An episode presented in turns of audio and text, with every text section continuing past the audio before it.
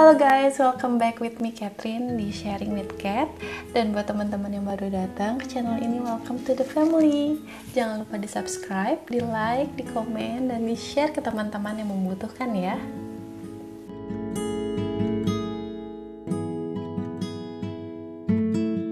Seperti yang kalian lihat di judulnya, topik pembahasan kita kali ini adalah love yourself atau mencintai diri kita sendiri. Kenapa sih kita harus mencintai diri kita sendiri? Apa sih gunanya cinta? Cinta itu apa sih, guys? Sebenarnya setiap individu itu punya cerita.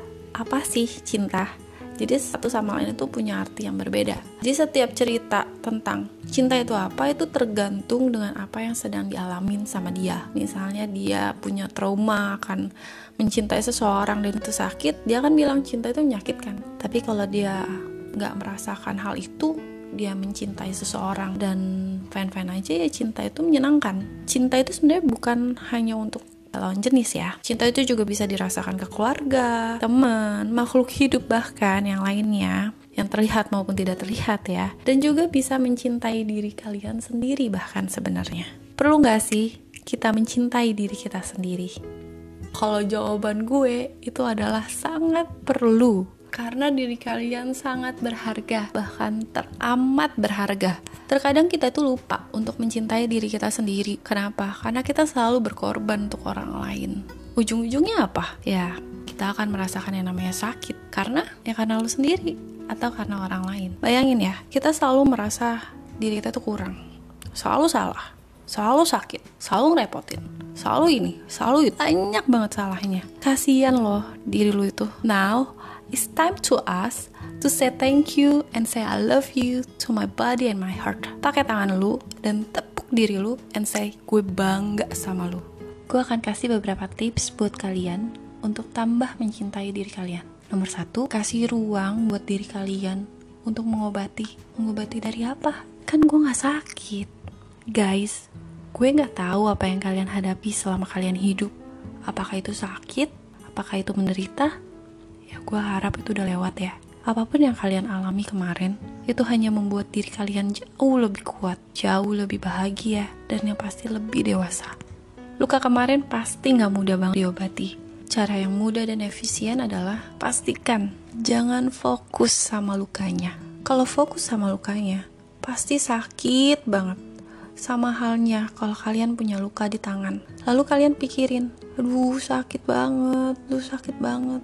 Kira-kira lukanya itu bakal sembuh? Enggak kan? Kalian harus berpikir justru, gimana ya caranya untuk bikin luka itu sembuh? Oh iya, dikasih betadine. Terus kasih Hansaplas. Kalau fisik memang gampang, gampang banget.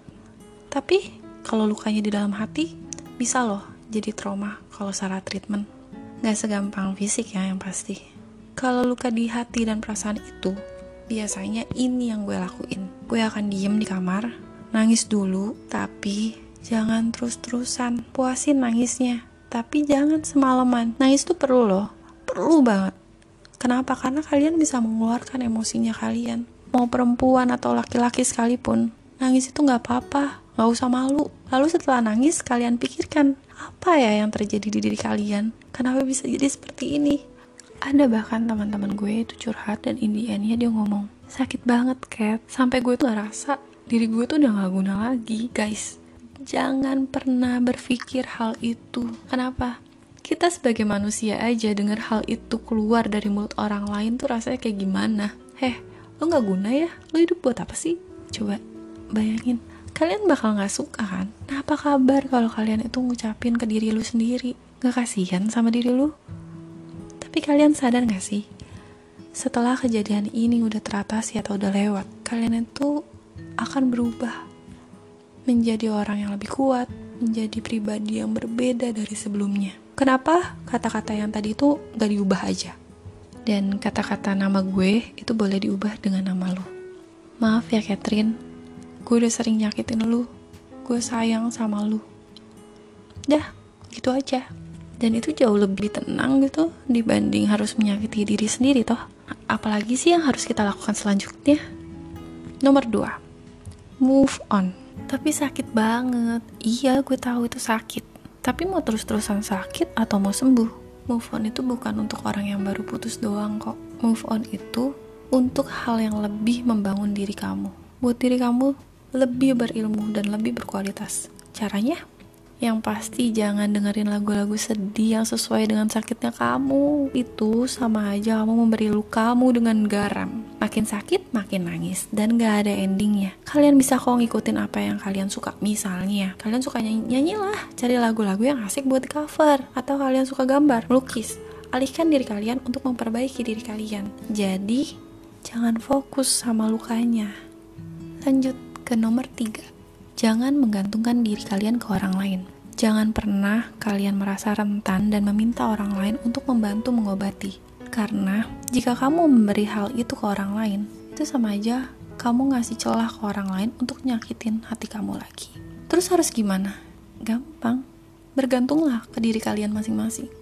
Ingat loh guys, kalian itu lahir sendirian dan kalian pun akan meninggal sendirian. Gak mungkin kan ngajak-ngajak orang. So buat diri kalian seperti apa yang kalian mau in the good way. Buat diri kalian berisi. Selain itu, kalian bisa lebih menghargai diri kalian lagi. Dan jika terjadi sesuatu yang tidak kalian inginkan, kalian jauh lebih kuat dan gak akan jatuh ke lubang yang sama loh. Masa mau jatuh lagi ke lubang yang sama? Selanjutnya apa? Memaafkan. Nah, jika sakit itu terlalu sakit, maka masih ada ya yang tersisa. Cara yang baik dan cara yang terbaik adalah memaafkan. Lu cukup memaafkan kok. Tuhan aja bisa memaafkan manusia akan dosa. Masa kita yang manusia nggak bisa memaafkan sesama manusia? Setelah memaafkan orang yang menyakiti kamu itu, minta maaf juga sama diri kamu. Diri kamu tuh udah sangat banyak berkorban.